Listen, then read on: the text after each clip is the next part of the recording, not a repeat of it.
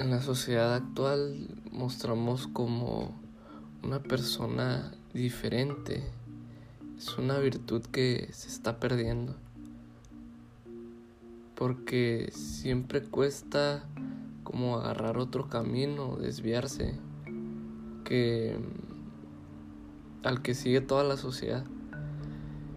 Muchos siguen el camino que, que dictan las convenciones en lugar de seguir y forjar nuestro propio camino.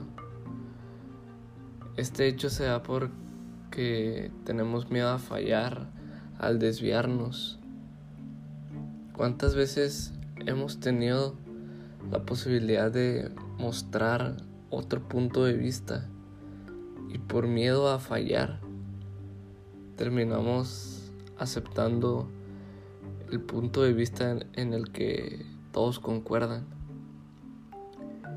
Para entender el desarrollo de cada persona, es necesario entonces examinar las características heredadas que dan a cada persona un inicio especial en la vida.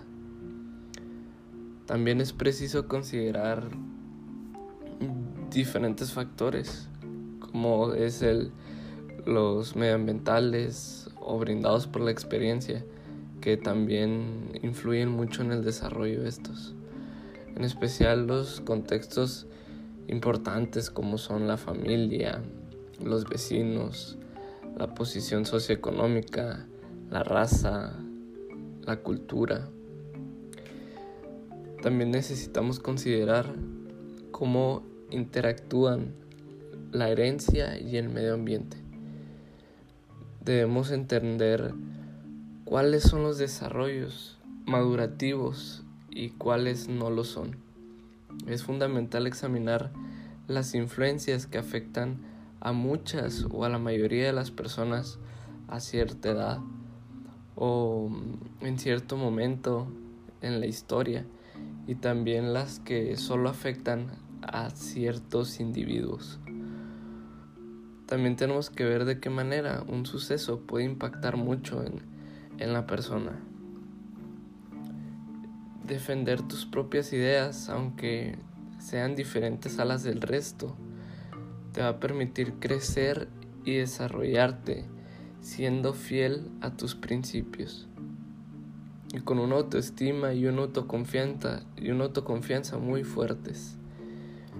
Que ahora tocando este tema de autoestima, el siguiente episodio va a ser sobre, sobre la autoestima. Entonces, ser único es un regalo y como tal deberíamos aprender a apreciarlo, a valorarlo más. Es una de las mayores virtudes que puede tener una persona. Y hay muchas razones por las cuales ser diferente es bueno y ayuda a poder alcanzar la felicidad impuesta por la persona. Y aquí te voy a decir algunas razones. El ser diferente te permite ser sincero contigo mismo. El mayor problema que nos enfrentamos es que tenemos que cambiar de actitud para poder complacer a los demás. Este es un problema grave porque no nos mostramos tal y como somos y nos mentimos a nosotros mismos para poder integrarnos a un grupo de personas en particular. Como dijo Albert Einstein, la persona que sigue a la multitud normalmente no irá más allá de la multitud. La persona que camina sola probablemente se encontrará en lugares donde nadie había estado antes. Esto hace referencia a que tener un pensamiento diferente ayuda a encontrar nuevas ideas que nadie ha pensado antes, nuevos caminos que nadie ha pisado antes. Tendrás una vida menos estresante, ya que estás vas a estar de acuerdo con tus decisiones lo que va a provocar que tú mismo acabes pensando que lo que estás haciendo es lo correcto. ayuda a aumentar tu autoestima. El mayor problema por el cual no nos mostramos diferentes es porque no tenemos la suficiente autoestima y no confiamos en nosotros mismos. Yo tengo un podcast que si no lo has escuchado te invito a que lo escuches, que se llama la confianza en ti mismo. Eso ha de cambiar si nos mostramos diferentes, tendremos una autoestima y una confianza más alta. A esto hay que añadir que al tomar decisiones que nos diferencien del resto, serán más adecuadas para ti. Es que imagina a un grupo de mil personas vestidas de manera uniforme, o sea, todas iguales. ¿Podrías identificarlas a simple vista? Pues no. Para que una persona reluzca entre la multitud, tendría que tener algo característico, algo que no tuviera la mayoría.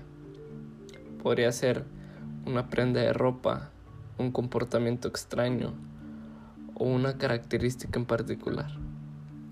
Eso es precisamente lo que ocurre en la vida cotidiana. Y más aún en estos tiempos de las redes sociales. Las personas que brillan no son aquellas que siguen la tendencia, son aquellas que marcan tendencia. Eso quiere decir que no tienes que seguir a una persona solo porque los demás la siguen. Puedes elegir un camino un poco convencional, una manera de actuar diferente y vas a destacar sobre el resto.